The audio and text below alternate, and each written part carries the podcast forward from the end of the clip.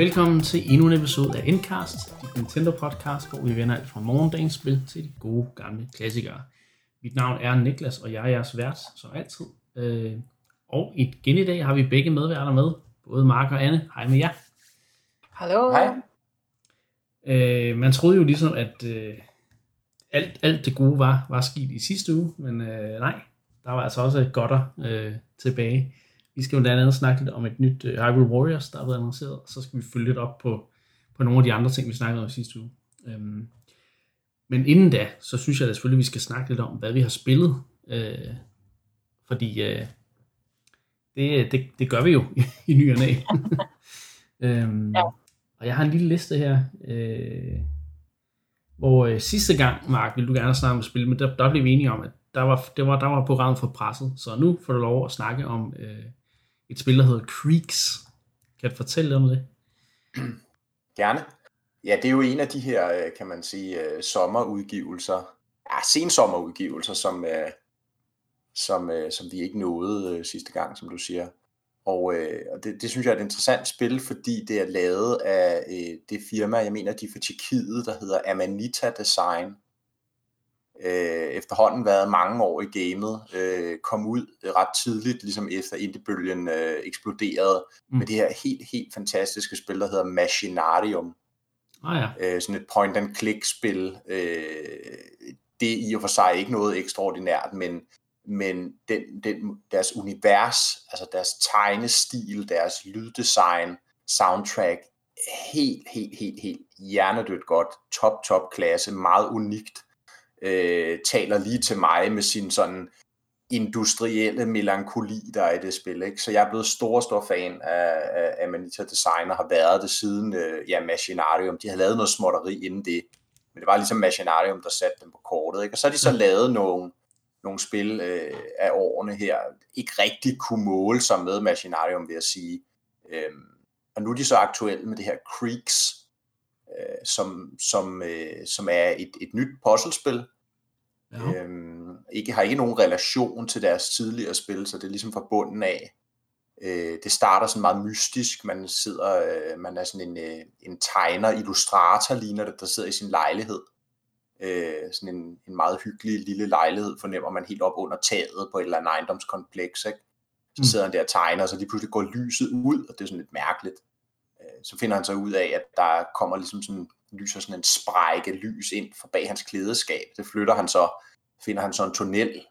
Okay, så kravler han ned i tunnelen, og så finder han, befinder han sig lige pludselig i sådan et kæmpe undergrundskompleks, hvor der er sådan et gigantisk stort, øh, jamen det er jo nærmest et hus faktisk, øh, med en masse etager, en masse forskellige områder, og man kan sådan se, det er sådan ret fedt lavet, den intro, der er sådan, men man får faktisk der en præsentation af det, som jeg antager er hele spillet faktisk.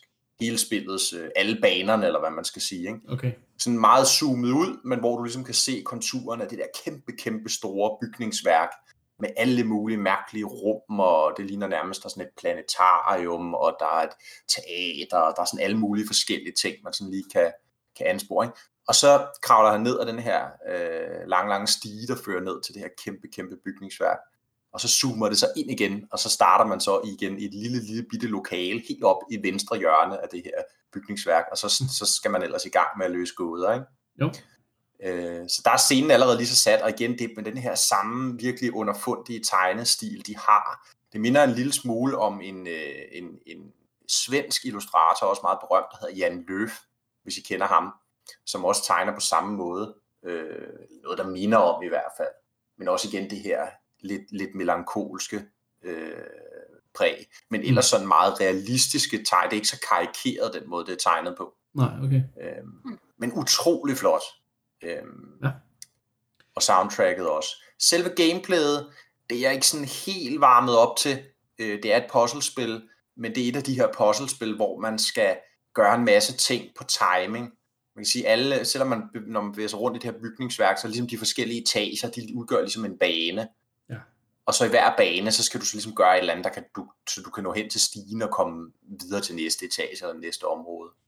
Og der, øhm, der er sådan nogle forskellige ting. Der er, der er sådan nogle mærkelige... Det er ligesom om, at, at alle de her øh, objekter, der er i rummene, altså det kan være en stol, eller en, bord eller en kommode eller et eller andet, de kan sådan blive levende og sådan være farlige og spise dig. Okay. Så det er sådan meget med, at du så skal øh, ligesom komme omkring de her elementer uden at blive spist.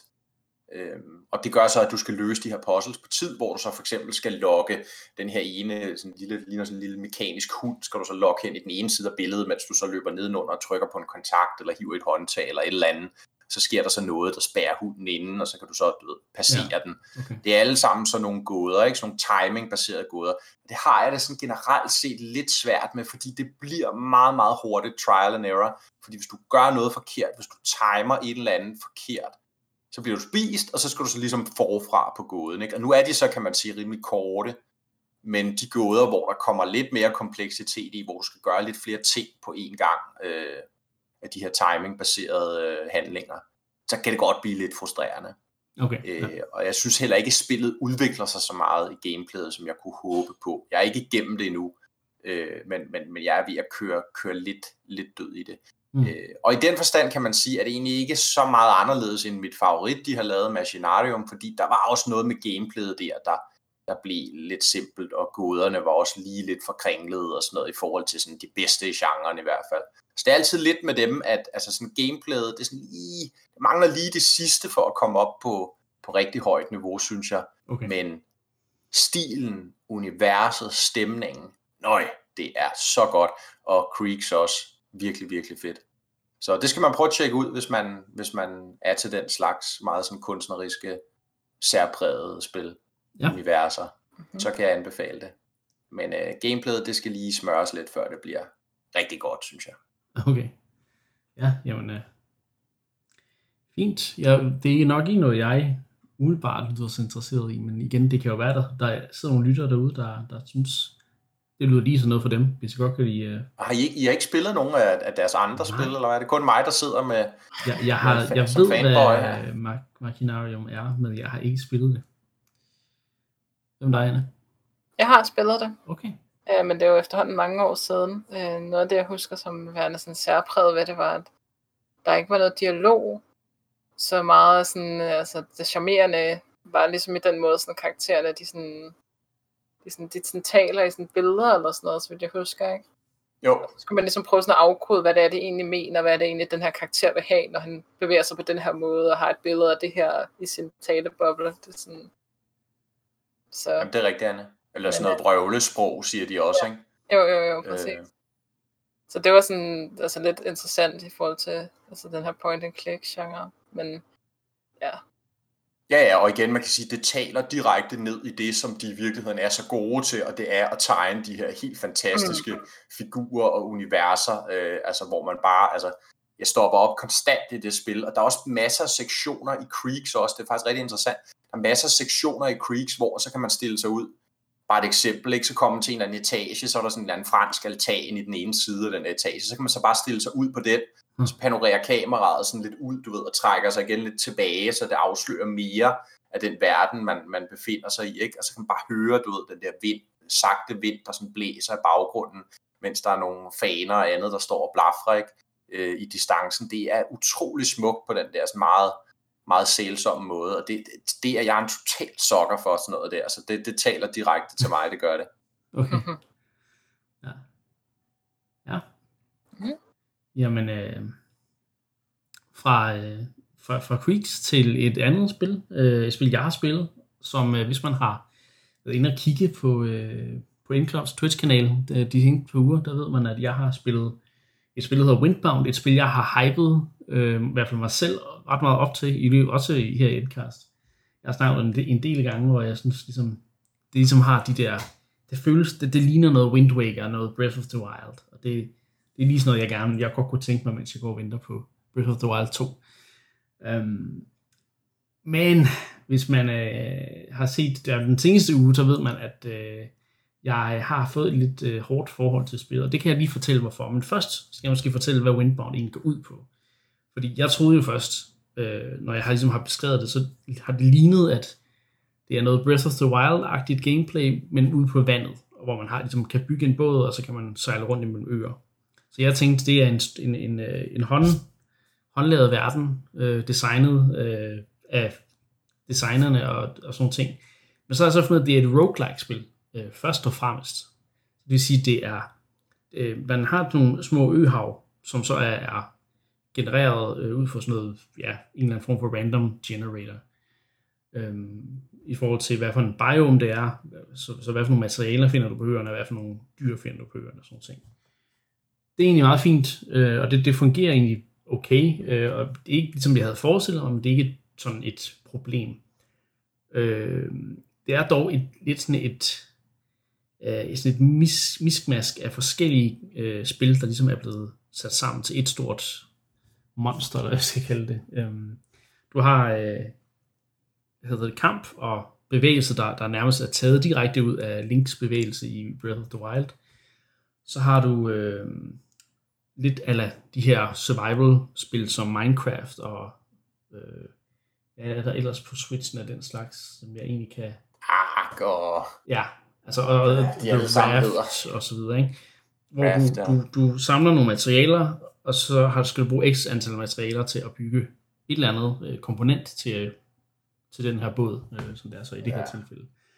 Øhm, og det fungerer egentlig fint nok, men øh, jeg synes dog, det kan være, for spillet fortæller dig ikke rigtig om, hvor du finder nogle af tingene, så det er sådan lidt, hvad du lige støder på i løbet af dit playthrough. Du, ligesom, du, du får nogle opskrifter, det fortæller, at du skal bruge de her øh, materialer til at lave for eksempel en bue eller et spyd.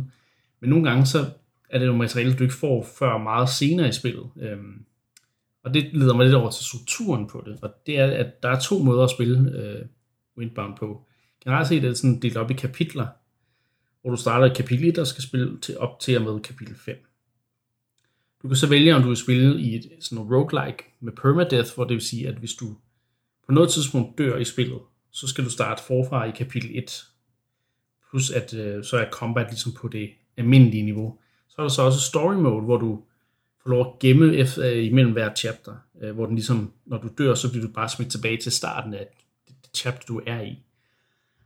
Øhm, og problemet er så her, der, der er det så, at det kommer med en nedsat øh, combat difficulty. Lige meget hvad. Du kan ikke sige, at okay, jeg vil gerne lave en blanding, hvor jeg vil spille med øh, du ved, almindeligt combat, og så med, hvad hedder det, at den gemmer i, for hvert chapter. Nej, du skal ligesom vælge den ene eller den anden, og det synes jeg er lidt irriterende faktisk øh, i første omgang. Fordi combat bliver utrolig nemt i den måde, jeg har spillet det på, hvilket er den der story mode.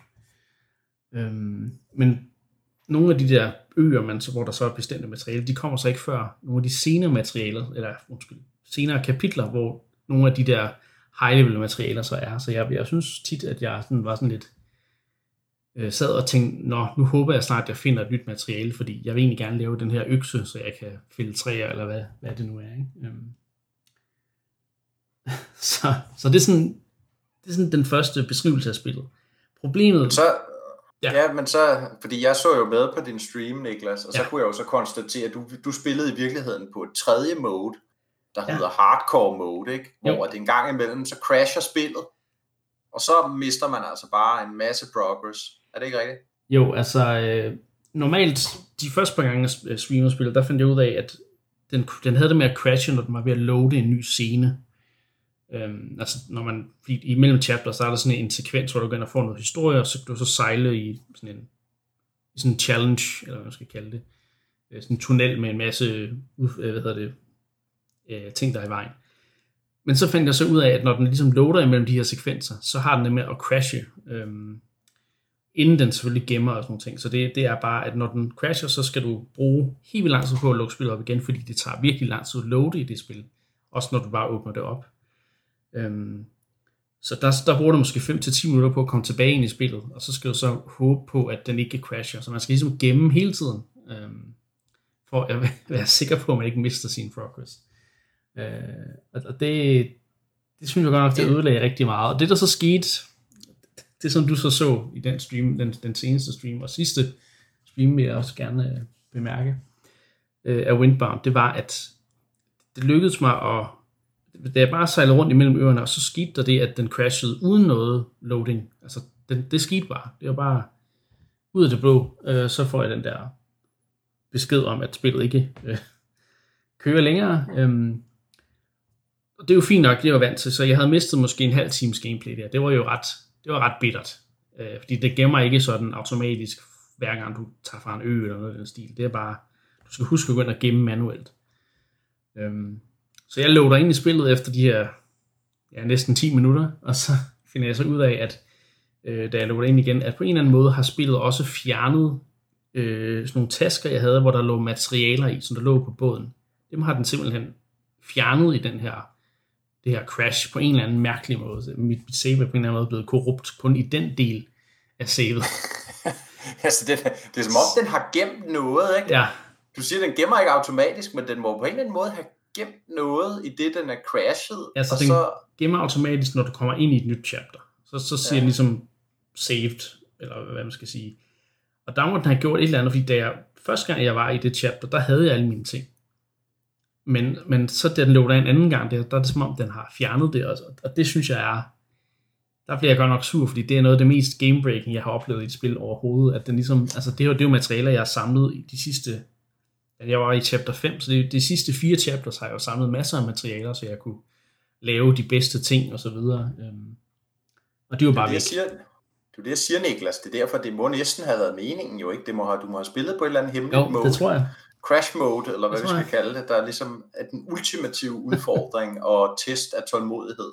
Det, det kunne man i hvert fald Så- godt uh, tænke sig til, men jeg, jeg tror bare, at det spil har virkelig brug for en kær hånd i forhold til patches, øh, is- især der til, i forhold til crashing. Jeg har hørt fra andre, at PC-versionen også øh, har det med at crashe, så det er ikke kun på Switch. Øh, det der er med Switch-versionen er så, at den, den kører væsentligt dårligere end, end de andre versioner. Og, og, og spillet er, jo jo, det er pænt, men det er ikke pænere end, lad os sige, Breath of the Wild, som trods lag og så videre, alligevel kører øh, langt bedre end Windbound, som kører, et- jeg tror det er i hvert fald, for det meste er det 30, men når det regner for eksempel, så går den ned til 15 måske. så, Åh, ja, ja, ja, ja, ja. Det er ingenting i forhold til Deadly Premonition, kan jeg godt fortælle dig. Nej, okay.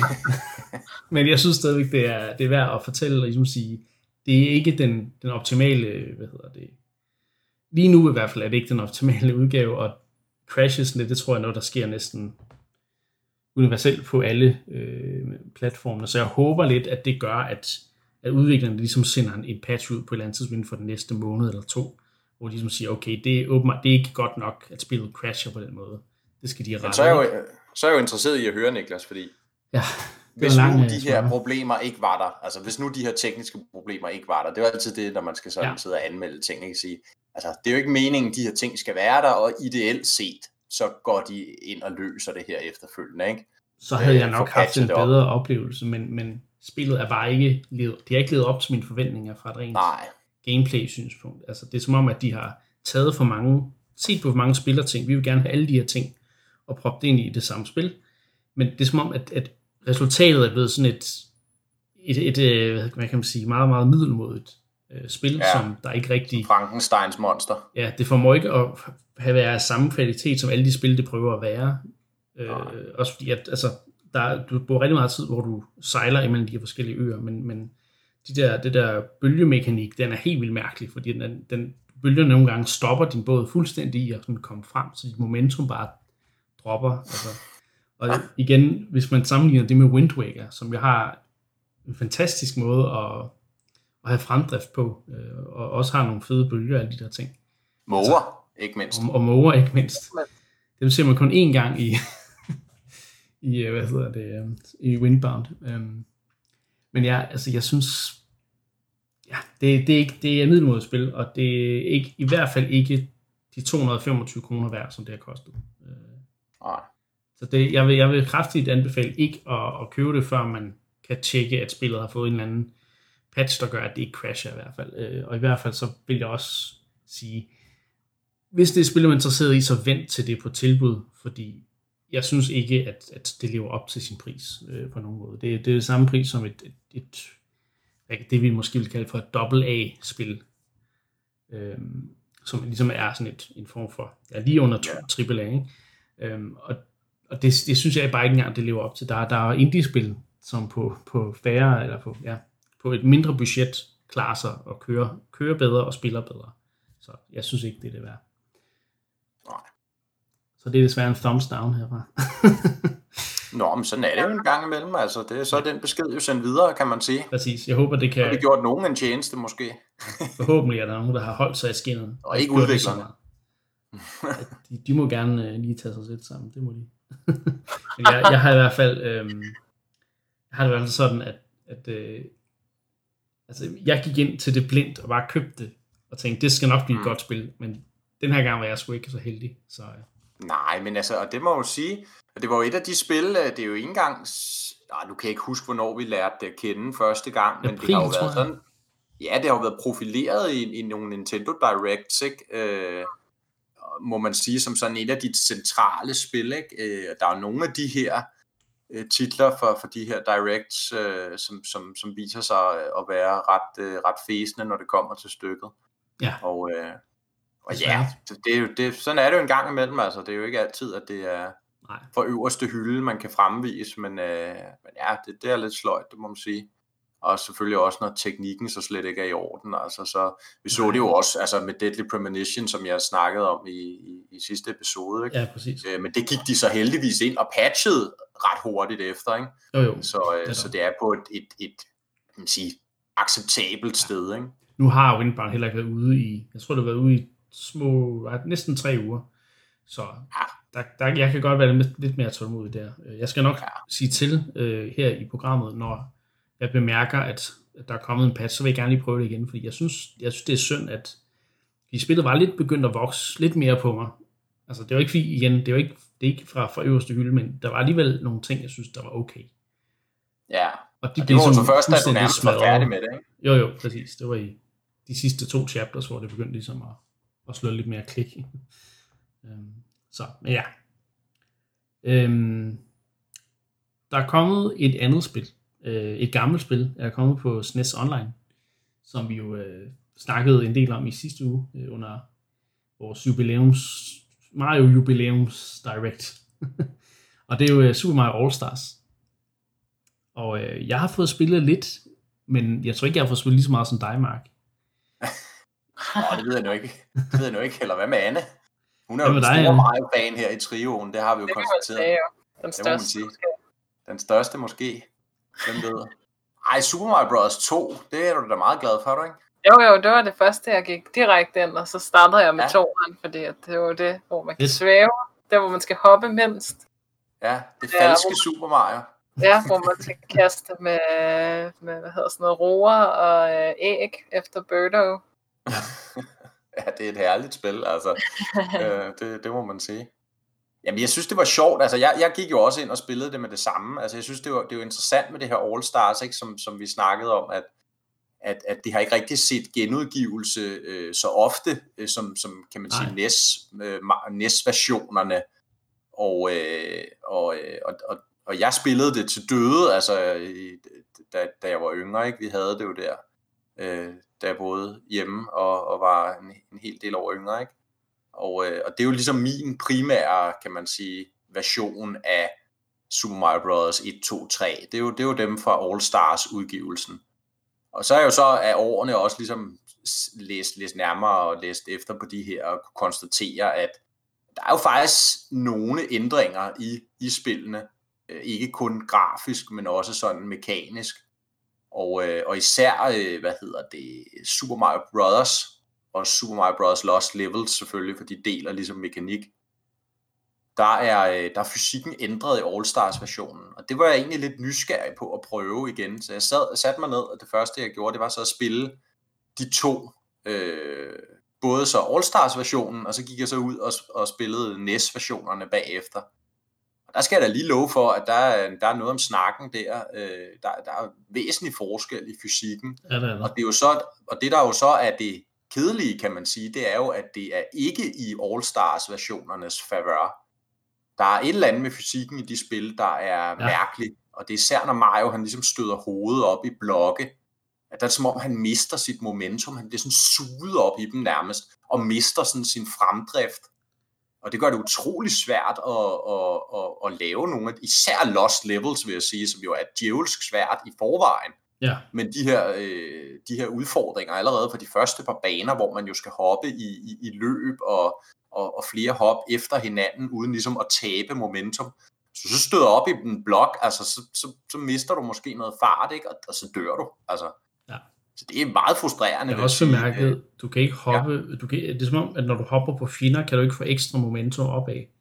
Ja. Hvilket man plejer at kunne i NES-versionen. Så det, ja. det kunne jeg slet ikke, næsten slet ikke vende mig til, da jeg først spillede All Stars uh, Super Mario Bros.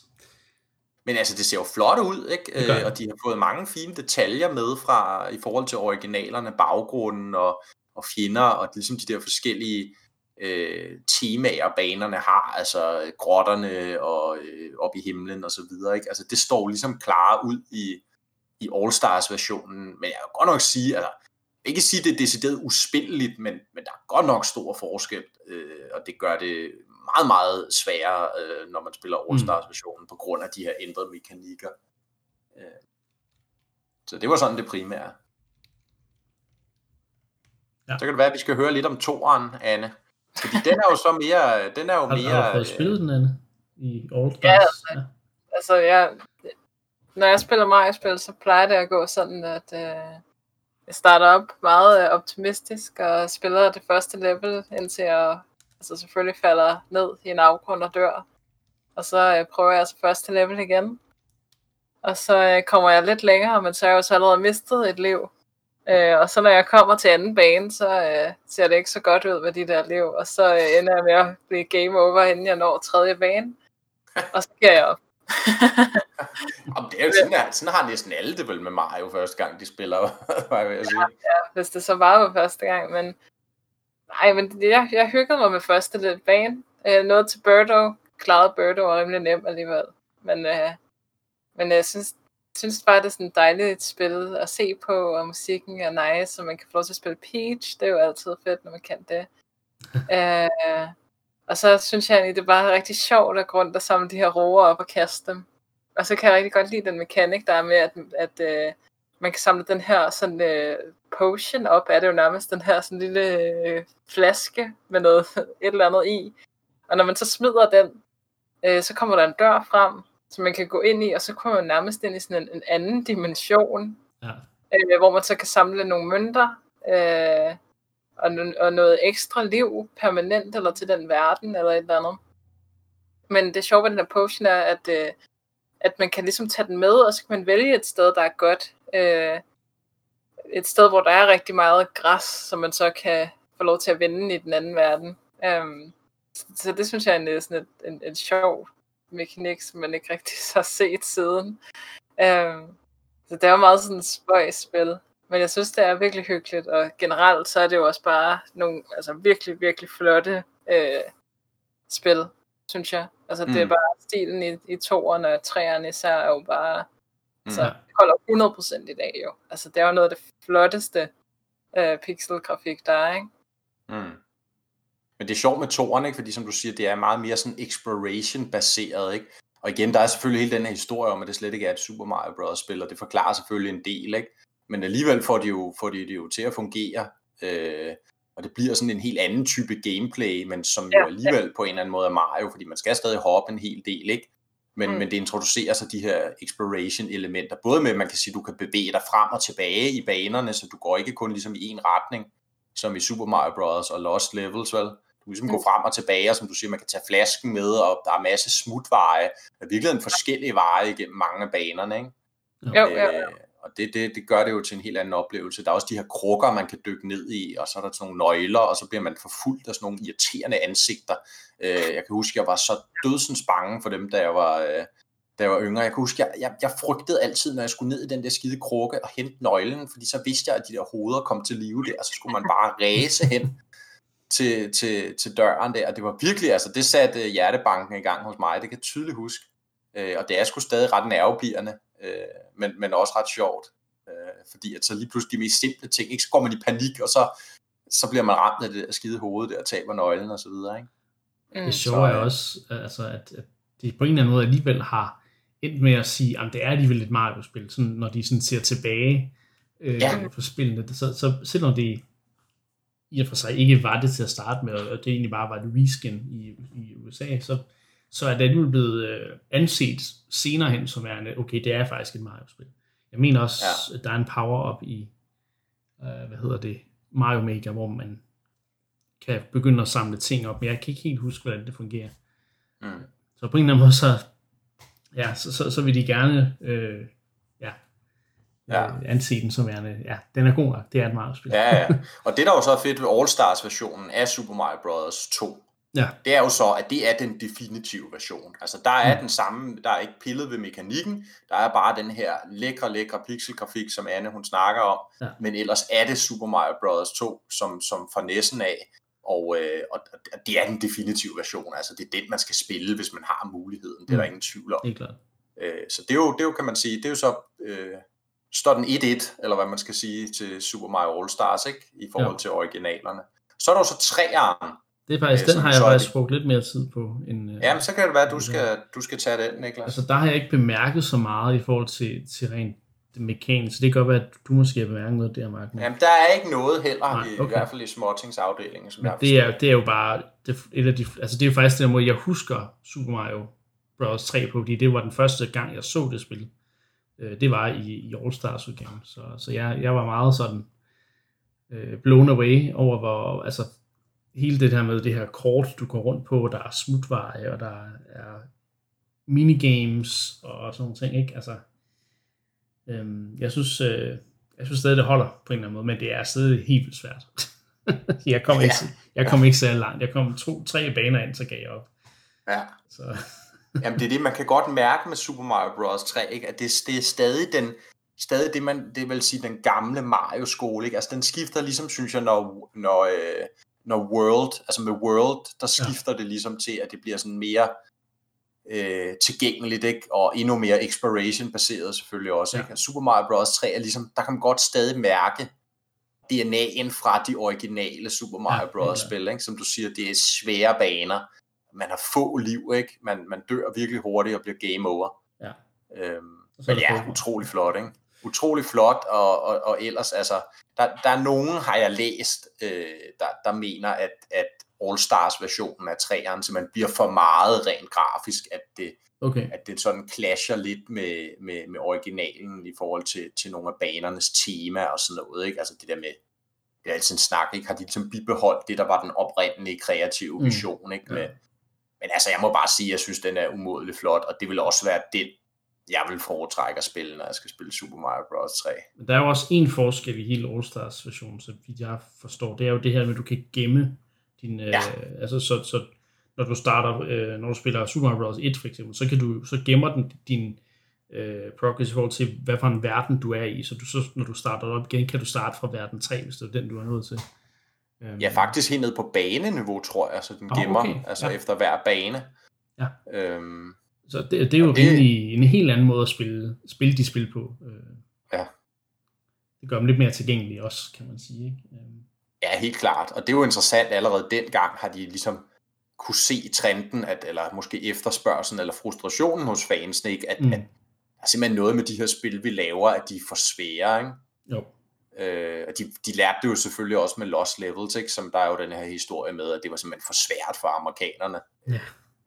ja, de var ikke tålmodige nok, vel, så derfor så måtte man finde på noget andet, ikke? Øh, og det blev så øh, Doki Doki Panic ikke? i, i reskin-versionen. Men, Yes. Ja, ja. Men altså All Stars ultimativt vil jeg jo måske sige, den, den vinder lige akkurat 2-1 måske. Ja, det tror Øh, jeg. eller man kan sige, at den bliver så 2-2, hvis du taler øh, Super Mario Bros. Lost Levels som et separat spil, ikke? Jo.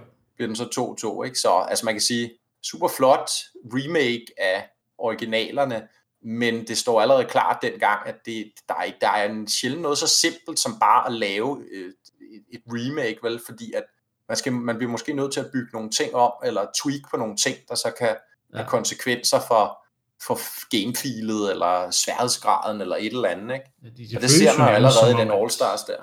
Det, at det første spil nærmest er kodet fra en helt anden måde, altså fra bunden af. Det Præcis, føles næsten ikke? sådan, ikke? Så ja, Jo. det er... Men i hvert fald, sted, det holder stadigvæk på en eller anden måde. Øhm, og det er, det er så sindssygt flot. Altså, det, det, Ja. ja. det, det, det er den største ting, man går væk med fra det spil, synes jeg. Det er, det er bare 16-bit grafik på sit højeste nærmest. Ja, Kun overgået af World. Hvad siger du, Anna? ja, Der er Yoshi jo med, ikke? Så ja, Det er rigtigt. det må jeg sige. Det er rigtigt. Øhm, nå, men øh, det var, hvad vi har spillet. Nu skal vi til den næste del af programmet, som jo er nyheder øh, inden for, for Nintendo-verdenen. Og der øh, skete jo noget, som jeg fortalte om lige i starten. Der, der, nu kommer de med endnu en, en out of the blue annoncering. Det er jo det, Nintendo gør her i 2020. De kommer bare og smider ting ud på Twitter kl. 3 om eftermiddagen, og så må man ligesom bare følge med. Uh, Hyrule Warriors Age of Calamity. uh, som er altså Hyrule Warriors original er jo lavet af Koei Tecmo, uh, som har, som, altså, som har den her uh, afdeling, der laver de her Warriors, Dynasty Warriors, Samurai Warriors, uh, også Hyrule Warriors. Um, og de har så i sammen, meget, meget tæt samarbejde med Nintendo, så gået udvikling omkring den her forhistorie til Breath of the Wild. Så Hyrule Warriors Age of Calamity foregår i Breath of the Wild-universet. Det er sat 100 år før øh, Breath of the Wild foregår. Den her krig, der var mellem Calamity Ganon og, og, øh, og Hyrules øh, beboere. Øhm, og det fortæller ligesom historien om, hvad der skete dengang. Hvordan var det, at øh, Hyrule ligesom faldt i ruin, eller hvad man skal sige. Og det, det synes jeg jo er mega interessant, og jeg tror ikke, jeg vil have været interesseret i det at spille, hvis det bare var Hyrule Warriors 2 på en eller anden måde. Mm, mm. Men nu vil jeg gerne høre jeres sådan umiddelbare reaktion på det her spil. Ja. Skal jeg starte? Det må det du gerne. synes jeg, Anna, fordi at, øh, jeg ved, du har jo spillet øh, det første Hyrule Warriors, mere end jeg har i hvert fald, så, Ja. så jeg tror, du har Øh. mere fornuftige ting at sige. Det er jo lidt sjovt det her med, når, når Nintendo de lægger de her videoer op på den her måde, altså ikke længere har det her sådan direct Ja. format, eller hvad man skal sige, så, så øh, for de fleste vedkommende, så får man jo bare en notifikation fra YouTube eller fra Twitter, eller, eller hvad man end følger, sådan om, nu er det her spil blevet annonceret. Øh, og da så bare, altså da jeg så så det på min telefon, og så der stod sådan Hyrule Warriors, et eller andet Calamity, whatever, så tænkte jeg sådan, nå okay, de laver en DLC til Hyrule Warriors. Øh, det var Det, sådan det mit det samme, jeg tænkte. Øh, også fordi det ikke hed to eller whatever. Det ville måske også være lidt mærkeligt, men... Øh, så jeg var sådan, "Nå, okay, det er da meget fedt, men jeg har ikke engang Hyrule Warriors til Switch, så, så, så det var sådan lidt, ja, sjovt. Øhm, og så så jeg sådan traileren, øhm, og tænkte sådan, ja, det, er- altså, det, er jo ikke, det er jo ikke noget, man sådan, sådan altså, det er jo ikke noget, jeg blev sådan super hyped af, faktisk. Altså, jeg tænkte sådan, det er da meget fedt. Øh, men det er jo ikke et rigtigt Zelda-spil, så det er jo ikke så, så fedt er det alligevel ikke. Men øhm, så øh, sådan i løbet af dagen, når, når jeg læste nogle reaktioner og, og, og snakkede med folk om det, sådan, så er jeg sådan egentlig varmet mere og mere op til ideen om det. Øh, og også øhm, altså det her med, at de har arbejdet tættere sammen med Breath of the Wild-teamet om at, at, at, at ligesom fortælle den her historie. Så, så jeg håber måske, at, at det bliver et lidt anderledes spil end, end Hyrule Warriors, som jo mere var sådan en ja, sådan hyldest til, til Zelda-franchisen, og sådan, altså et historisk tilbageblik nærmest, ikke, med Jo. de karakterer og så videre, der var med. At det her måske bliver lidt mere sådan standalone, end sådan faktisk sådan uh, tilføjelse til Breath of the Wild-universet, eller hvad vi skal kalde det. Uh, at man rent faktisk får nogle flere detaljer um, om, om historien. Uh, og, og måske passer det også bare super godt til, til den historie, der jo er omkring uh, ja, calamityen, eller hvad man skal kalde det, med at, øh, at, at der kom hårdere og hårdere af, af Ganons minions der. Øhm, så det giver måske meget god mening at kæmpe mod 1000 øh, på koblen, 1000 øh, de der Guardians og så videre. Ja. Øhm, og så er det selvfølgelig super, super fedt, at man kan spille øh, de der fire champions, man kan spille Zelda, det er jo også, altså, det er jo the dream, kan man sige, ikke? Øhm, så, så, så sådan, jo, jo mere jeg har tænkt over det, jo mere jeg er blevet hypet op til det, øh, faktisk. Ja. Mm. Det er meget sådan, jeg også har det faktisk. Øh, Jeg synes, at øh, altså til at starte med også lidt, det må, det må lyde som en DLC. Er det, er det bare, at de tilføjer noget Breath of the Wild tema til Hyrule Warriors? Det, det må det være. Og så så jeg traileren, og jeg var sådan fuldstændig, jeg, jeg sad nærmest ikke og vidste, hvad jeg skulle sige, fordi sådan, hvad, hvad sker der her? Det er jo, det, det jo ligner jo, at det er den samme engine nærmest, som, altså grafikken i hvert fald ligner jo nærmest en til en Breath of the Wild. Um, og så kan man selvfølgelig godt se, når man ser lidt videre i traileren, at meget af gameplayet alligevel er noget Warriors øh, gameplay, men på på en eller anden måde, så er det også det her med, at de genskaber verdenen øh, ud fra det kort, vi som har i Breath of the Wild, men så ligesom bygger det op igen og siger, jamen, der var faktisk en landsby her, og der var faktisk en, øh, hvad hedder det, øh, ja, der var slottet så sådan her ud, da det ikke var smadret, og altså, jeg synes, mm. det, det, det ser helt flot ud, og, og jeg, jeg glæder mig på en eller anden måde til at opleve øh, Hyrule i, sin, i sin, sin storhedstid på en eller anden måde, ikke? Um, og det giver rigtig god mening at have et, som du også siger, ligesom et, at man kæmper en mand mod tusind, øh, mere altså i, i det her form for gameplay end i Breath of the Wild gameplayet, kan man sige. Ikke? Um, mm. Så jeg, jeg ja, synes, altså, det giver... Hvad siger du, Mike? Ja, ja, men jeg vil bare tilføje her, at det, altså, i virkeligheden, hvis man kigger på de to spil, bare isoleret, hvis du kigger på Dynasty Warriors og, og Breath of the Wild, ikke? Altså, så kan du nærmest ikke komme længere væk fra hinanden, Nej. vel? Altså, selvom man kan sige, at begge to er, er tredjepersonsspil, øh, øh, hack and slash til dels jo, ikke? Øh, men, men, men sådan, selve gameplayet alligevel, Breath of the Wild, det er sådan meget langsomme, øh, ja. meget metodiske, strategiske gameplay, ikke? Og så, øh, og så øh, Hyrule Warriors, som bare er det her hurtige hack and slash spil, hvor man bare nedlægger hårdere fjender, ikke? Jo. Det, det, det kunne nærmest ikke være større kontraster i sådan grundfølingen, når man kæmper. Og det er jo interessant, altså man kan sige, hvordan vil det ligesom fungere? Og der tror jeg, I er ret i, at at den måde, det kan komme til at fungere på, er netop, at de har rykket settingen de her 100 år tilbage, til på et tidspunkt, hvor Link også, kan man sige, har fuld styrke, ikke? fordi der er jo det her med, hvorfor, hvorfor kan han kæmpe, øh, altså jeg får nærmest tæv af en på koblem i, i, i Breath of the Wild, ikke? i hvert fald på Master Mode. Ja. Hvordan kan han så bare slagte hundredvis af dem i, i, i, i Hyrule-spillet her, ikke? Jo. Det er så fordi, han, har, han, er, han er fuld styrke der, ikke? hvis jeg husker historien korrekt. Ikke? Øh, han bliver jo lagt i søvn øh, i 100 år, og så skal han ligesom genfinde sin styrke der, da han vågner ja. i, i Breath of the Wild. Ikke? Så, men, men ja, man, man kan sige, det er så en ting. Ikke? Det tror jeg egentlig kan fungere fint nok. Warriors gameplayet plejer jo ikke at, at, at være det dybeste, og det behøver det måske heller ikke at være. Nej. Men så bliver det ligesom, hvad, hvad er det så ellers, det kommer med? Ikke? Og der tror jeg, som I, som I er inde på, der skal det være virkelig historien, der driver det. Og ja. der må man håbe, at de, at de har, de har skrevet det i, i, i tæt samarbejde. Det virker det jo til at skrevet det i tæt samarbejde med det påstår de i hvert fald.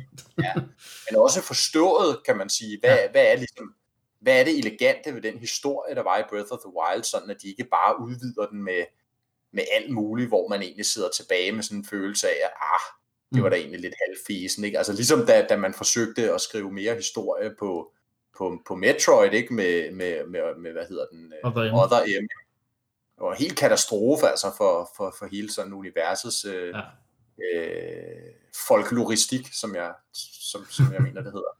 Men man må og, øh, også bare sige, at, at forhåbentlig har de lært noget fra Other M til, til det her, ikke? Øh, i forhold til at sige, altså i, i hvad hedder det, øh, Hyrule Warriors til, til Wii U, Switch og 3DS, øh, for den sags skyld, der sagde de jo, at, at der havde de ligesom fået frie trailer til bare at lave noget, igen, som Anna også beskrev, sådan en anden form for øh, en hyldst til Zelda-serien. Øh, og her er det som om, at, at, at der skal de ligesom have meget, være meget mere fokuseret i den for, i historie, de fortæller. Øhm, jeg synes faktisk, ja. nogle af de der sekvenser, vi ser, som er nye, eller man skal sige, øh, det synes man, de har ret meget respekt for os, at de, de viser, at alle de her champions kommer i problemer øh, i løbet af den der trailer og, og så videre, ikke? Jo, jo, og vi kender jo udfaldet, ikke? Så ja. der, der var allerede memes, så jeg plastret over på nettet med, at det var ja, Age of Calamity og Destruction og Doom. Altså, det, det er jo en dommedagshistorie, ikke? Jo, ja. Og vi ved jo, at det ender galt for dem alle sammen. Altså, ja. Så man kan sige, det, det i sig selv er jo en stærk præmis. Øh, det er klart. Nu kan man sige, spændingselementet er måske lidt taget ud, fordi vi ved, at de taber, ikke? Men, jo. men så hvordan? ligesom, hvordan det sker, ikke? Fordi der er jo de her meget, meget øh, elegante øh, minder i Breath of the Wild, som jo er den primære fortællemåde her, ikke? Jo. hvor man sådan hele tiden ligesom, det er sådan hele tiden lidt omkring sådan selve kernen, selve krigen, selve det sådan aller, aller mest dramatiske, ikke? Jo. Og, det, og, det, og det synes jeg er helt elegant og gjort på den rigtige måde der. Ikke? Nu får ja. de så mulighed for at vise det, og formentlig antager jeg, vil de vise det, altså full on. Og der er det så igen, kan man sige, det, det er virkelig en, ja, det, det kan blive rigtig godt, men det kan også blive rigtig skidt, ikke? kan I følge mig? Altså, fordi hvis ikke de formår at formidle de der scener på en, en, en god, øh, troværdig, øh, ordentlig måde, så begynder det jo på en eller anden måde også at, at, at, at slide lidt på Breath of the Wild, eller hvad man skal sige. Ikke? Altså, Jeg, jeg vil sige, at jeg er godt nok lidt, lidt bange, fordi jeg synes netop noget af det smukkeste ved Breath of the Wild, for de her minder, man mm, i, øh, i forskellige rækkefølge.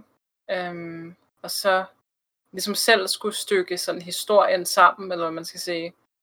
Øh, og det var jo nogle virkelig barske minder, rigtig mange af dem, som handlede ligesom, og, og især øh, handlede om, om Zeldas historie, ikke? Øh, gennem øh, Breath of the Wild. Øh, ja, så, så jeg er rimelig bange for, at det kommer til at blive lidt for sådan actionagtigt, lidt for helteagtigt, og ikke ligesom få nogle af nuancerne med, som du ser.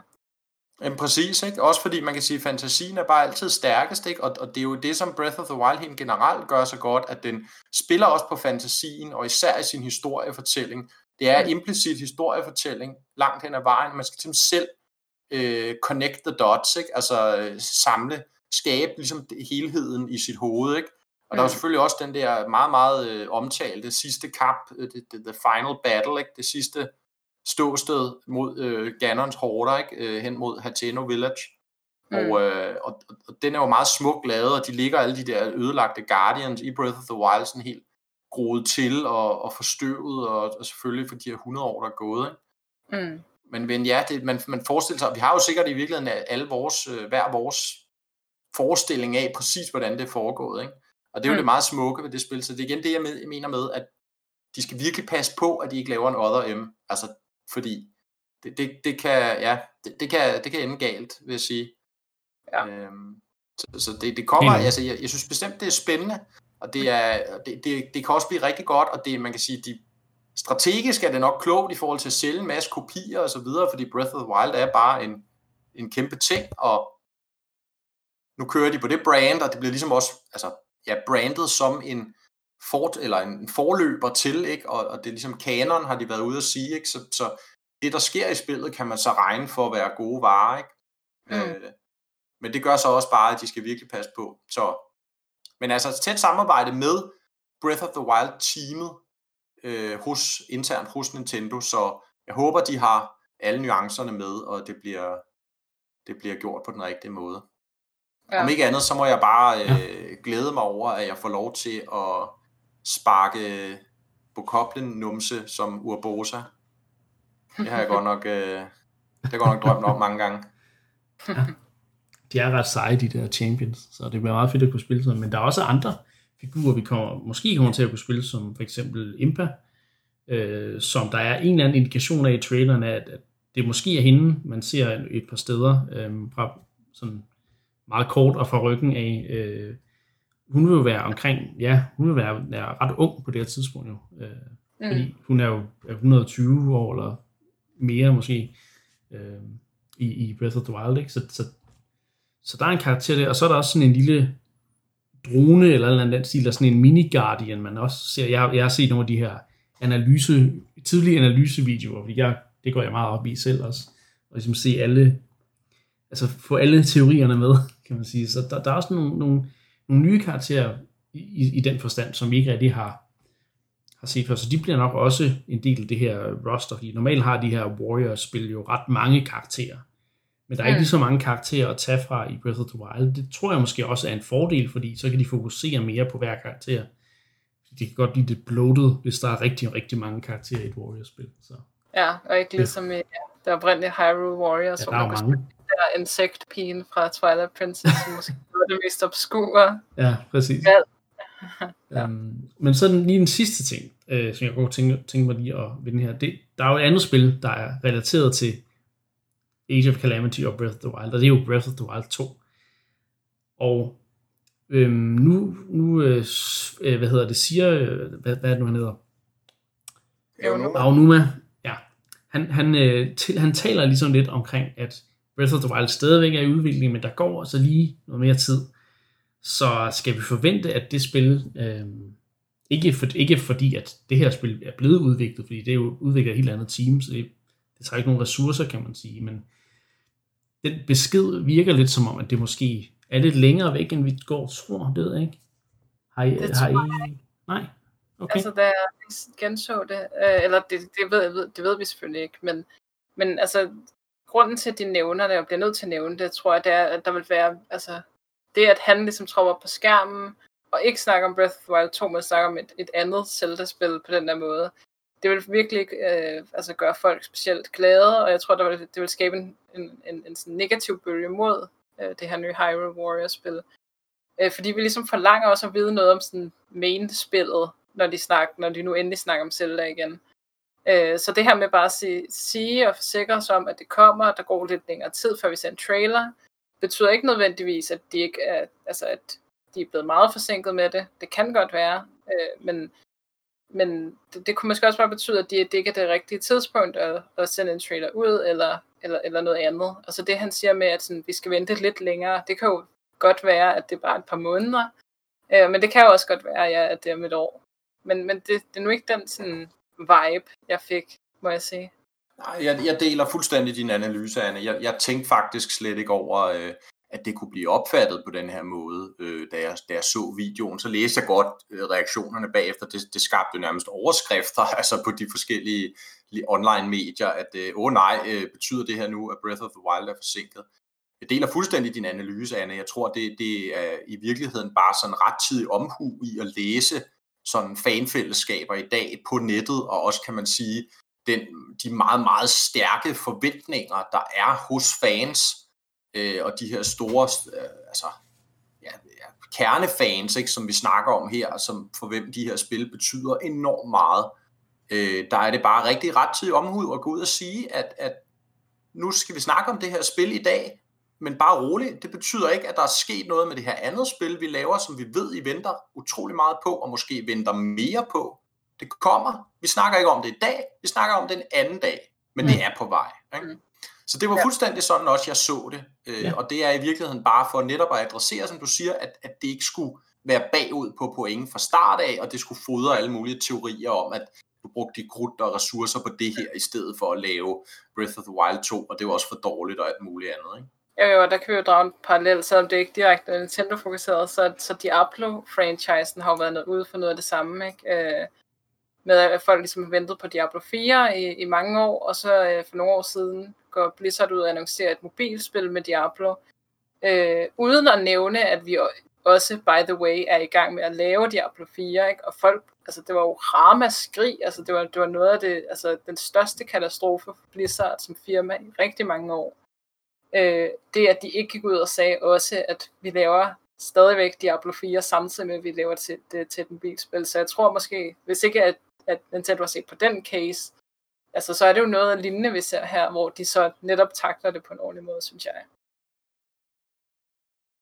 Jamen, jeg er glad for, at I, I ser det på den måde. Øhm, jeg tror selv, min egen, min første tanke var, det han nævnte, det var sådan lidt, okay, ja, det kan godt være, at jeg måske lige skal sådan, tage lidt mere tålmodighed øh, med mig, i min, øh, mens jeg venter på Breath of the Wild 2, og så var min næste tanke ligesom, at men så er det her produkt jo nærmest det perfekte produkt til ligesom at, at, at gøre ventetiden lidt mere øh, øh, overkommelig på en eller anden måde. Ikke? Altså der kommer mere Breath of the Wild univers, uden at det er det, vi går og venter på. Øh, men på en eller anden måde er det, de sidder udbygger, udbygger det på en eller anden måde. Ikke? Det, det synes jeg er fedt. Øh, Ja, jeg håber at helt klart, at, at, at jeres analyse af det her er, er den korrekte. Men igen, hvis spillet skal bruge til 2022, øh, jul 2022, jamen så, så må det jo bare gøre det. Øh, det tror jeg nu ikke nødvendigvis, men man kan sige, at der er også nogle ting, der er blevet skubbet i forhold til, til det her. Øh, ja, altså jeg tror på... Øh, det kommer vi ind på senere. Ja, altså jeg tror på uh, Annes, uh, Annes uh, rigtig gode teori fra jeg husker, om det var seneste episode eller forrige episode, ikke? altså det her med, at det ved jeg, vi skal snakke om, om om lidt, Niklas, men det her med måske ny Switch-model næste ja, år, ja. måske er den, eller sandsynligvis er den lidt mere beefy, øh, kan vise noget flottere grafik, hvilket bedre spil at lancere sammen med den, eller i hvert fald komme mm. kort tid efter ja. lanceringen af den, øh, inden et nyt Breath of the Wild. Ikke? Jeg, jeg og tror i, simpelthen, og i foråret, er, der er det jo også en uh, Zeldas 35 års jubilæum, uh, så det er det jo ikke. Hvis, så, hvis, de, hvis Zelda-serien får samme behandling som Mario-serien, så, så må der jo ske et eller andet. Om det er sådan en collection gør, eller hvad. Men, uh... Det gør den ikke. Så kommer Twilight Princess og Skyward Sword HD, der som har været rygtet så mange gange. Ikke? Wind Waker kommer måske også over. Ikke? Så ja. du har jo nærmest der uh, Zelda uh, 3D All-Stars, eller hvad vi skal kalde det. Jeg husker, du hørte det først i Endcast, ikke? Men, ja. så er vi helt graderet i hvert fald, ikke? De hedder normalt noget med Collection, tror jeg. Ja. Nå, men... Øhm, Triforce, okay. Zelda Triforce HD oh, Collection. Ja, ja, det lyder godt. Oh, ja, ja. I, I hørte det først der. Nå. Ja. Vi skal også øh, lidt videre, men det var, det var, om, det var Hyrule Warriors, og øhm, det er da godt at høre, at øh, vi alligevel, altså jeg, jeg er måske også en lille smule sådan, jeg, jeg ser frem til, jeg synes, det er et fedt koncept, men jeg kunne også godt være lidt bekymret for Koei Tecmos øh, behandling af det, men igen, hvis Zelda-teamet er, er sådan tæt med indover, så tror jeg nok, det skal blive, øh, det skal blive godt. November release jo, vi snakkede om det seneste 20. episode. 20. november, ja. det, er ja, det er så Nintendo's, deres novemberspil. Det er det. Må vi antage, medmindre de, de dropper flere ting jo, men øh, så, så burde de nok have gjort det på nuværende ja. tidspunkt. Ikke? Men det kan jo være, at der kommer et decemberspil. ja. Men så kan man sige, jeg kom også, jeg kom egentlig fra en sådan efter, efter kritik, eller hvad man skal sige, da, øh, da, da jeg ligesom tænkte igennem også bagefter de ting, jeg havde sagt. Altså man kan jo sige, Super Mario 3D All Stars er jo, altså kan man sige, storsælger den her, ja, ja. det her efterår. Ikke? Ja. Den er så kommet lidt tidligere, ikke? og vi kunne se allerede, den, den ligger, og hvad var det, jeg læste? Det er det næst på, he, mål på hele året allerede, det næstbedst sælgende spil på Amazon. Ikke? Altså, så, så det er jo bare eksploderet med det samme ja. øh, populariteten omkring det her spil. Så det er selvfølgelig det store efterårsspil. Det, det ligger så lidt, lidt øh, længere fremme, end, end, end hvad de plejer at gøre, synes jeg, men, mm. men det er det jo. Altså, ja. Det er jo det, der skal bære os især julesalget. Ikke? Jo, jo, jo og vi skal også huske på, at Animal Crossing jo ikke har haft et julesalg endnu, ikke? så der er jo masser, der også ja. vil, der skulle have det til jul. Helt sikkert. Um, men jeg, jeg synes, de skal blive lidt ved uh, 3D All-Stars, fordi uh, vi kan jo følge lidt op med nogle af de uh, ting, der ligesom er kommet frem, uh, den, altså, siden det blev annonceret. Um, og uh, der er jo noget med noget opløsning og framerate, vi kan snakke lidt om, som der vist står på deres hjemmeside for spillet, eller hvor er det det fra, Mark? Er det fra, ud, er det fra anmeldere, eller hvad? Øh, det må jeg faktisk være der svar skyldig. Okay. Øh, Men det er i hvert fald analyseret. Jeg tror, det er noget analyse baseret på det ja. videofeed, de har, de har smidt ud. Ikke? Okay. Øh, der kan de ligesom analysere feedet, og så kan de jo så tælle pixels. Det er jo typisk det, man gør, hvis man skal finde ud af, hvad kører en bestemt opløsning. Ja. Så kan man så lave, så kan man så gøre noget bestemt, hvor man ligesom tæller pixelsene, og så kan man så regne ud, hvad opløsningen så må være. Mm. Øhm, og, øh, og ja, altså der har vi så fået bekræftet, at øh, Super Mario 64 er, øh, ja, nu kan jeg, kan jeg overhovedet huske at sige det rigtigt nu, øh, 60 fps, 720p, ikke? Nej, 30 Nej, fps, 30 fps, 30 fps 720p. Øh, Sunshine er 30 fps, 1080p, og Galaxy er 60 fps, 1080p. Okay, jeg havde faktisk troet, at de alle tre var, var 30, men okay. Nej, det er interessant. Nej, altså Galaxy var oprindeligt 60. Altså man kan sige, ja. det er jo egentlig bare i forlængelse af originalerne. Ja. Uh, Super Mario 64, 30 fps, ikke? Uh, Sunshine, 30 fps.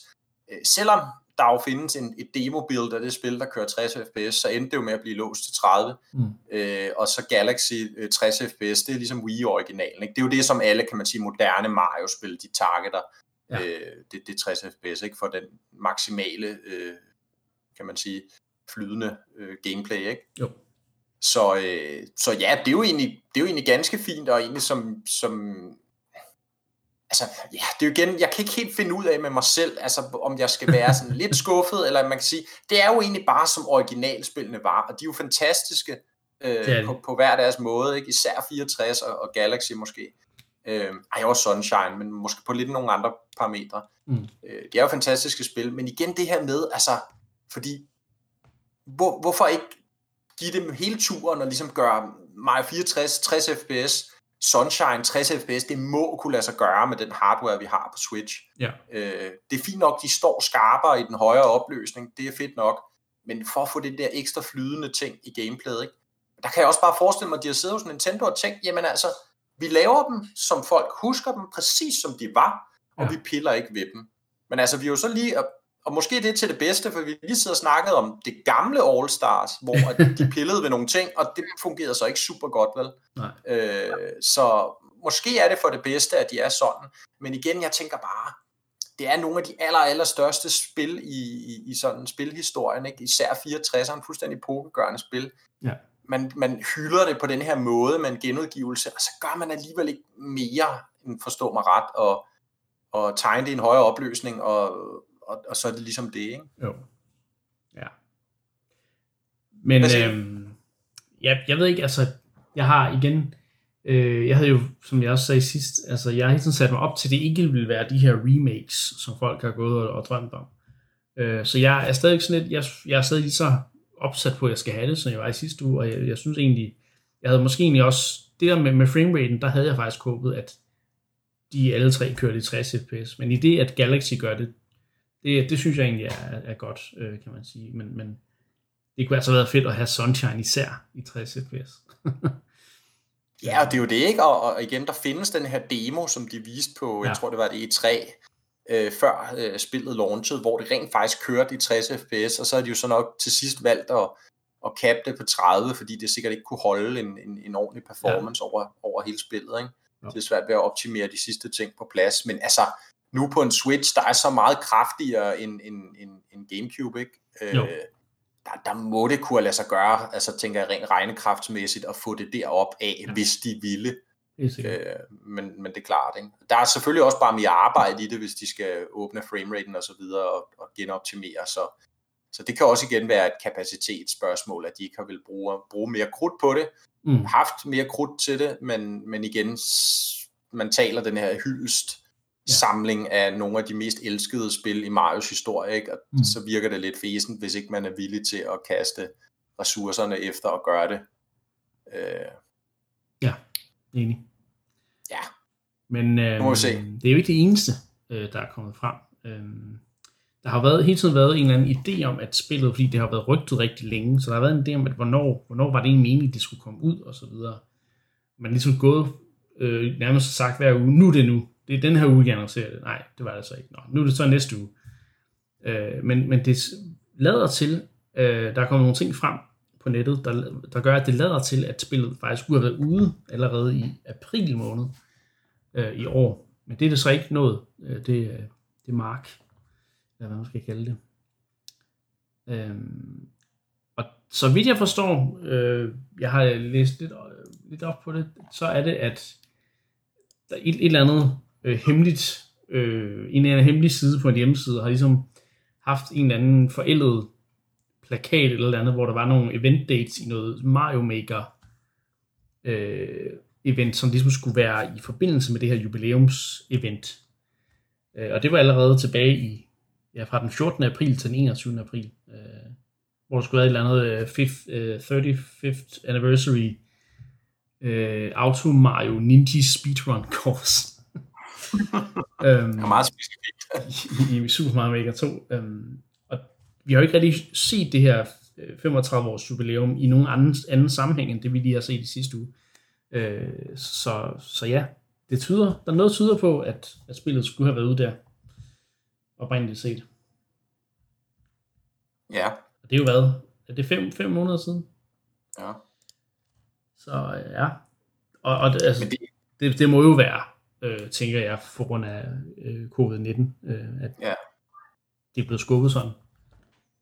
Jamen selvfølgelig. Altså, jeg ved ikke måske, om jeg køber det der med, at det skulle have været ude på det tidspunkt. Jeg Nej. Tror måske, det mest realistiske, jeg kunne forestille mig, det var måske, måske skulle det have været annonceret på det Ja, tidspunkt, ja, ja. og så måske med udgivelsesdato nogle måneder efter, lad os sige måske sen forår, ja. start sommer, et eller andet i den stil, ikke? Jo, det lyder også Øh, meget. fordi også man kan sige, på det tidspunkt, øh, der, er, der, er- der er covid-lockdown jo kun altså lige startet, ikke? man kender knap nok omfanget af, hvor Mm. lang tid kommer det her til at stå på, øh, hvor, hvor voldsomt er det, og så videre, ikke? Så altså, hvis, det, hvis det bare det tab af et par uger der alene skulle have gjort, at de må udskyde spillet fem måneder, det lyder måske lidt voldsomt for det er mig. Så jeg det, tror, det kan være, at de ligesom har holdt det i holdt det sådan tilbage for ligesom at sige, jamen vi har måske brug for at sende det ud lidt Ja. senere, hvis nu vi mangler andre spil.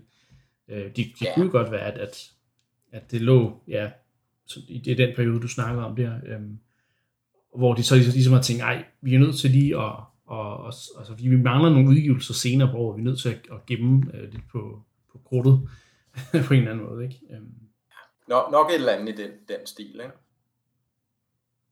Så øh, ja.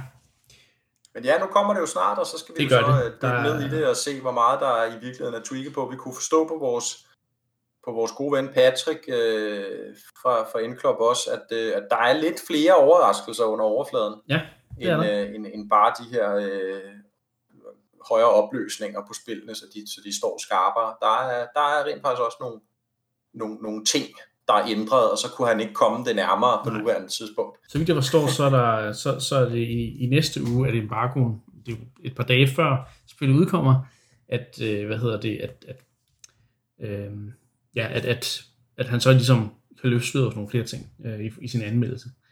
Um, og så igen, så er jo ikke så lang tid, til vi selv kan, kan sidde og spille det, så øh, om et par episoder indkast, så tror jeg, vi, vi sidder og snakker om vores egne øh, indtryk af spillet. Øh, Ja. Spillene, vil jeg vil sige. Ja, i hvert fald for, ja. for mig. Ja, Hvad sagde du, Anne?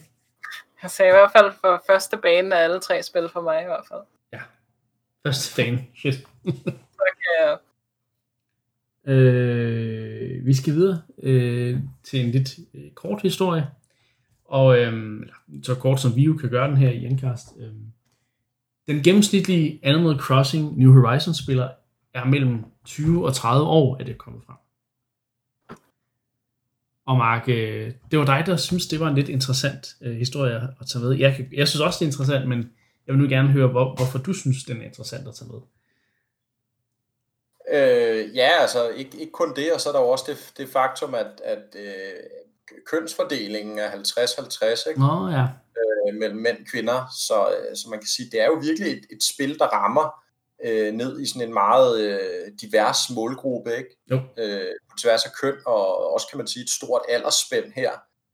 Nå, og så alligevel også øh, forholdsvis, altså, det er jo ikke, det er ikke primært børn, det er jo, ja, 20-30 år, ikke? Så, Præcis, altså, og det, man kan sige, det, det sætter jo bare en, en, en, en, en, tor, en, en stor tyk streg under, at, at det her med, at, at, at nogen kigger på Animal Crossing og tænker, om det ligner sådan et spil for børn, altså intet kunne være fjernere fra sandheden, fordi at der er så meget, altså der er så meget sjæl i det spil, der er så meget dybde og kompleksitet i de relationer, man har med, sin, med, med sine villagers, i, mm, i de følelser, de ligesom vækker i en, i, i de interaktioner, man har i spillet med, med andre personer, øh, de opgaver, man laver, og altså kreativiteten, ikke? Altså, det, det rammer virkelig nogle universelle ting, som i virkeligheden ikke er, er aldersbetonet, eller i virkeligheden skal man måske faktisk være en vis alder, før man sådan rigtig forstår mange af de her dybere ting.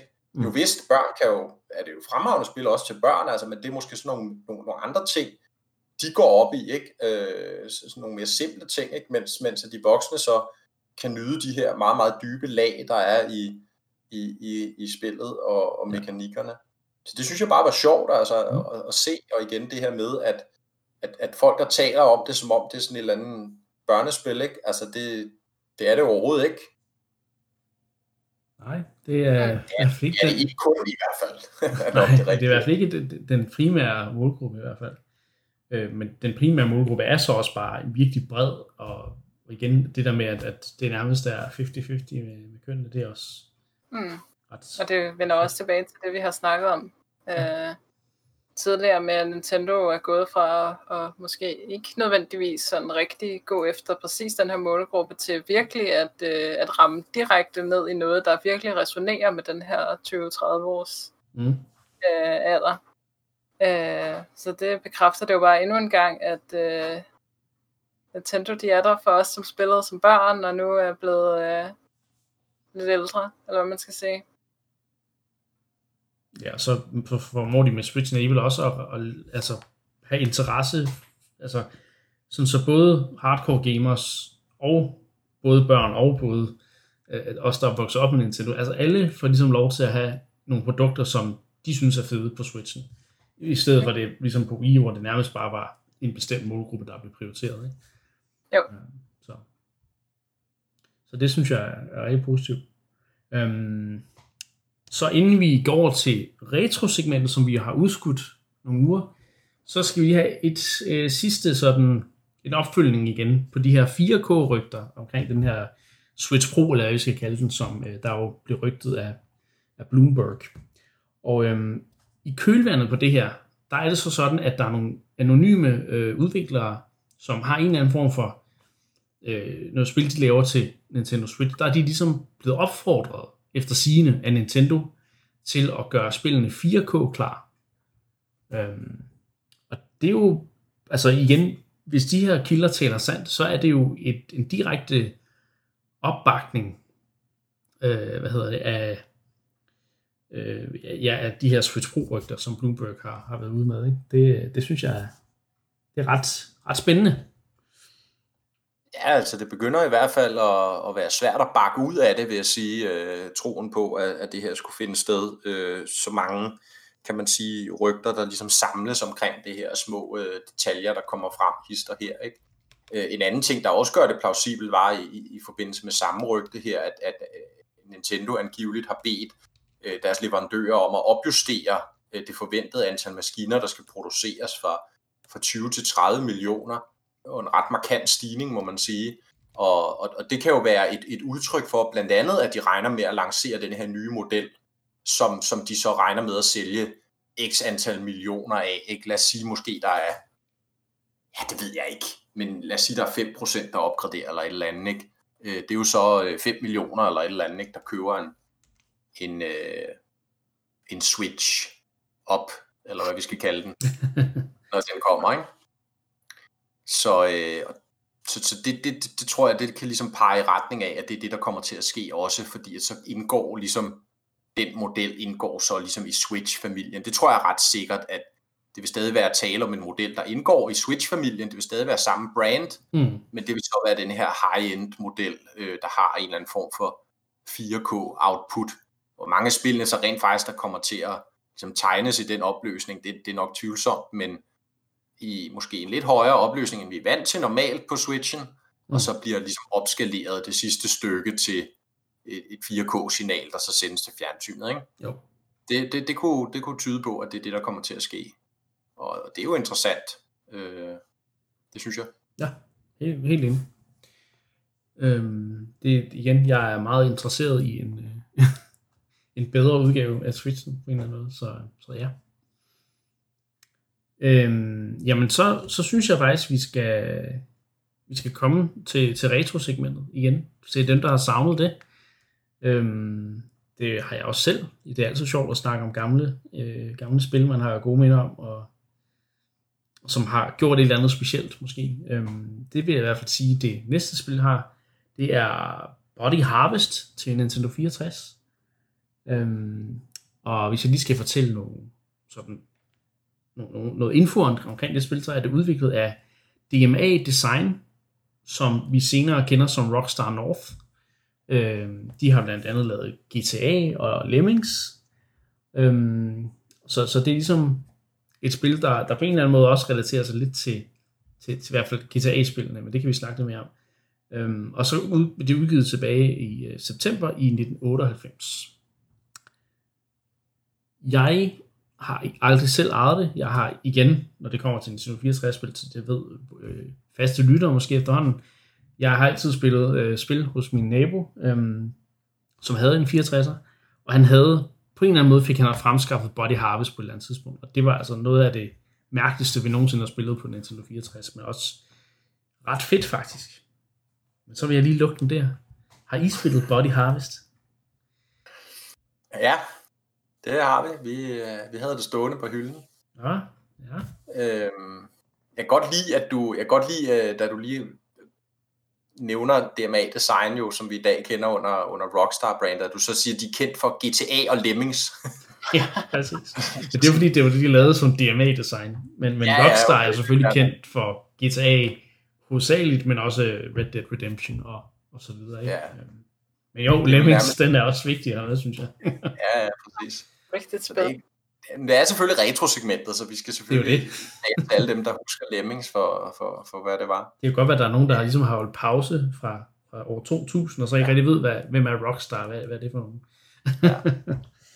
Altså Body Harvest, synes jeg, og det var også grunden til, at vi, vi, vi besluttede os for at tage det op her i, i programmet, øh, er rigtig interessant på mange punkter, fordi, ja, dels fordi det er jo senere af, af dem, der bliver til, til Rockstar, der har lavet det, ikke? Men også fordi, der, da, de, da de laver Body Harvest, det er en af de første spil, øh, der blev fremvist til Nintendo 64, da ligesom den blev præsenteret, og man viste nogle demoer fra, fra de spil, der var under udvikling til maskinen, der blev Body Harvest vist. Og i starten var det faktisk Nintendo, der var producent på det. Så, øh, så de producerede faktisk øh, og, og, og samarbejdede med Rockstar om at lave det. Men, øh, men de trak så spillet, de prøvede hele tiden at trække, trække spillet i en sådan, kan man sige, mindre voldelig retning. Altså de var, Nintendo var bekymret over, at der var for meget vold og blod og splat og alt muligt, og det kommer vi jo tilbage til, øh, hvorfor der er. Men, men, men det, det, de prøvede så at trække den anden retning, og, og som jeg kan forstå det, det jeg har læst i hvert fald øh, fra, fra beretninger fra udviklerne på projektet, der var simpelthen for mange problemer med det der, og også de havde svært ved at kommunikere, ikke? fordi Nintendo er jo et japansk firma, og ja. Rockstar er jo fra Storbritannien, ikke? Øh, så, så, så, så de gik på en eller anden måde skævt af hinanden, og så det, der så skulle ligesom have været, kan du sige, sådan et, et second party øh, eksklusiv øh, produceret af Nintendo til Nintendo 64, blev så samlet op af, nu skal jeg se, om jeg kan huske rigtigt, er det Midway, ja. tror jeg, der samlede det op. Ja. I stedet for, da Nintendo ligesom trak sig, så samlede Midway det op og ligesom udgav det. De, ja. de kunne åbenbart bedre slå sig til tåls med, med alien splat og, og, og diverse andre ubehageligheder. Og, øh, og så udgav de det, og så, så fik de det gjorde det færdigt. Men, men altså, hvem ved, hvilket samarbejde der havde været mellem Rockstar og Nintendo den dag i dag, ikke? hvis ikke de havde skubbet dem fra sig. Ikke? Der er jo nogle af de her historier, ligesom det, det famøse samarbejde mellem Sony og, og Nintendo, da, da den første Playstation skulle laves. Ikke? Jo. Jamen, hvem, hvem ved, hvad det kunne have blevet til, hvis, hvis Rockstar ligesom var blevet en, kommet under vingerne hos Nintendo på en eller anden måde. Nå, men det er jo ikke om selve spillet. Men det giver jo ikke god mening med Midway. De har også udgivet Mortal Kombat. Ja, ja, der er ingen skrubler der. Der er ingen skrubler. Mere blod og lemlæstelse. Det er, jo, det er jo kun fint, fordi det er... Men, men jeg er fuldstændig på, på samme side som dig, Niklas. Øh, jeg kan ikke huske, hvordan altså, vi fik fat i Body Harvest, men det, det gjorde vi. Og det var sådan altid, kan jeg huske, jeg kom aldrig særlig langt ind i det, fordi det var sådan lidt mærkeligt, det var sådan lidt diffust. Det er jo sådan et, et science fiction spil, ikke? med at der, der er nogle aliens, der ligesom angriber jorden, ligesom invaderer jorden, og så så skal de høste jorden for alle sine ressourcer, og så slår de så mennesker ihjel. Virkelig helt, helt, helt klassisk jo. Post jeg tror, de faktisk de høster menneskene. Apokalypse er det jo ikke post. Det hedder jo body det, harvest. Så. Ja, det gør det jo nok, ja. Så det er menneskene, der er ressourcerne, som du siger. Det bliver lukket ind i sådan nogle bobler. Ah. Og så skal man så redde af de der bobler på en eller anden måde. Det er rigtigt. Og, øh, men så er der jo så nogle, nogle marinesoldater, der bliver sendt til kamp mod de her, og der er man så selv en af dem. Og, øh, og, og så skyder man jo med laserpistoler mod de her aliens. Det minder på en eller anden måde lidt om det der Jet Force Gemini, vi spillede om på et tidspunkt, så lidt, lidt af det samme. Ikke? Det er sådan en tredje persons skydespil jo i virkeligheden, ikke? hvor så kommer der de her bølger af aliens, der invaderer. Så skal man så skyde dem ned, øh, og så splatter de og går i tusind stykker og så videre, ikke? og man skal nå at redde, at, at menneskene ikke bliver ja, men, adopteret. Ikke? Men så samtidig er det jo også det her open world design på en eller anden måde hvor du render rundt i en verden, og du kan møde mennesker og snakke med, og komme ind i nogle hus også, og køre biler, og ja, der er sådan mange ting, som man også finder i GTA-spillene på en eller anden måde. Det er ja, og, der, der, det, og det er det, og der tror jeg, at det her altid også, kan huske, at jeg tænkte på, at der er helt sikkert en, en GTA-prototype i Body Harvest der, altså ja. Nogle af de samme mekanikker der, de samme måder at ligesom strukturere gameplayet på, som du siger, den her åbne verden, er ikke helt åben, som jeg husker det. Der er ligesom områder af gangen, du kan ligesom rejse rundt i. Ikke? Øh, missionerne er også relativt lineære, men du kan, øh, du kan explore, som du siger, gå ind i huse, gå ind i templer, gå ind, altså mm. køre i biler, køre på motorcykel, gør alt muligt. Ikke? Øh, og så kører du ligesom rundt mellem de forskellige landsbyer, der så bliver invaderet af de her aliens, ikke? som du så skal plaffe ned. Ja. Også komme ud og sejle, så vidt jeg kan huske, og flyve endda også. Ikke? Jo, det mener du har ligesom aspekterne i det øh, ret imponerende jo også, altså sådan rent teknisk. Øh, det er selvfølgelig en Nintendo 64-spil, så du ved, du kan kun se 5 meter foran dig, ikke? så er der sådan en, en mur af, af, af, af, af tog, ikke? Jo. fordi at så, så kan den ikke øh, indlæse øh, mere grafik, uden at brænde sammen, vel? Så, øh, så sådan er det jo, men altså, det var jo typisk for tiden, ikke? Men, men ellers skal man sige, det skal man ja.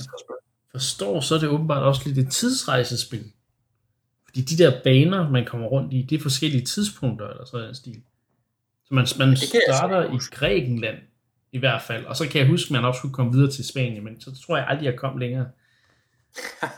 Nej, det var ret svært, og det var også sådan ret diffust, mener jeg. Nogle af de der missioner. Jeg husker ja. noget til sådan en bane, hvor at man skulle planlægge øh, et forsvar. Der kom sådan et kæmpe angreb af de her aliens der. Og man skulle planlægge det der forsvar. Jeg havde det bare sådan lige meget, hvad pokker jeg gjorde. kunne jeg bare ikke mønstre det der forsvar og få det til at fungere. Øh, så det var sådan lidt mærkeligt. Ja, men øh, i hvert fald, altså, et mærkeligt spil, men også på en, når man ligesom fattede det, og når man endelig kom videre, fordi jeg tog også, også virkelig lang tid sådan at forstå, vi overhovedet kunne komme videre til andre baner og sådan noget ting. Det var, det var ja, ja. lang tid, men når man sådan begyndte at forstå det, og, og, og prøvede andre biler og ting, altså, så var det, sådan, det var ret sjovt, fordi der var ret meget variation i det på en eller anden måde. Øh, så, så, så ja, øh, det, det har helt klart altså det er ikke et spil, jeg husker sådan tilbage på rigtig tit, og tænker, åh ja, jeg har spillet Body Harvest, men når, når folk nævner spillet, så får jeg lige sådan et, et sådan flash af, af, af minder, med sådan lidt ja. nostalgi og minder omkring det. Sådan lidt, Nå ja, ja, det var da også et spil, mærkeligt spil, vi spillede. Så ja. Kan du huske det, Anna? Ah, det er meget svagt. Øh, jeg kan huske, at det, det, altså sådan, at, at den oplevelse, jeg havde med det, var, at det var sådan meget åbent og sådan strukturløst, og det egentlig sådan føltes mere som sådan en legeplads for mig. Altså nu var jeg jo meget, meget ung, da jeg spillede det.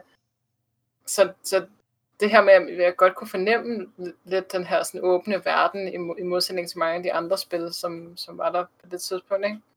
Så sådan, den der følelse af, at, at, en, at et spil er mere en, en legeplads end, end et spil på en eller anden måde, den, den synes jeg, at, at jeg erindrer. Ja. Det, og det er jo interessant, ikke? fordi det er jo lige præcis det, der kendetegner GTA, ikke? som de så laver. Ah, det er jo så nogle år senere, de laver, altså man kan sige selve, ja, altså GTA det første i 2D top-down, ja. det udkommer faktisk året før Body Harvest. Ja, det gør det. Men så laver de jo så øh, Body Harvest der, ikke? og så går der jo så en del år før, at GTA 3, som jo ligesom er den her store revolution inden for open world spildesign, ikke? fordi de overgår til 3D, øh, og, og der bliver den her gigant selv, og det jo selvfølgelig på, på Playstation og ikke på, på Nintendo. Mm. Øh, der går så alligevel nogle år efter Body Harvest, ikke? Men, men det virker stadig som om, at de ligesom, der er et eller andet, der klikker der i Body Harvest, der er et eller andet, som, som Anne siger, som de nailer, øh, ja. og det er jo også i virkeligheden, jeg kan huske, at jamen, man havde måske nok i det spil egentlig bare at spille den første de første par baner, eller hvad det var, jeg altid kom ind, og så opgav jeg spillet. Ja. Så fandt jeg på at starte forfra igen og spille de første par baner, fordi den der udforskning og den der strukturløshed øh, var så interessant, at det var i og for sig nok til at sikre underholdning. Ikke? Og det er jo det, de går all in på i GTA 3. Ikke? Det fungerede øh, rigtig godt, det er, men igen, GTA 3 tager det bare til nye højder. Ikke? Ja. Jo. Så men øh, det, igen, det er, det er altså godt at snakke om gamle retrospil. Øhm, og øh, vi vil meget gerne høre øh, i kommentarerne ved, om folk også har spillet øh, Body Harvest, og om de husker det, og hvad, hvad de husker det for, og så videre, om, om der er nogen, der, der deler de samme sådan erindringer, som vi gør. Øh, så, øh. Men ja, det var endnu en episode af Endcast, øh, vi, vi så fik øh, lavet der, og øh, der sker rigtig mange spændende ting inden for Nintendo, selvom det er et år, hvor folk bliver ved med at sige, at oh, der sker jo ikke noget på Nintendo-fronten. Det gør der altså alligevel. Og de næste, ja, resten af året er faktisk ret spækket med interessante øh, spiludgivelser. Især hvis man ikke har spillet Pikmin 3, som jo kommer i oktober, så er der også noget der. Men øh, ellers er der noget i nærmest alle måneder, undtagen december. Men forhåbentlig så kan det være, der kommer noget der. Så, øh, men tak, I, fordi at øh, I ville være med igen det er altid øh, sjovere at lave det, øh, når vi er tre. Øhm, og så ja, vil jeg selvfølgelig også bare sige tak til lytterne. Tak fordi I blev med. Og vi lyttes ved næste gang.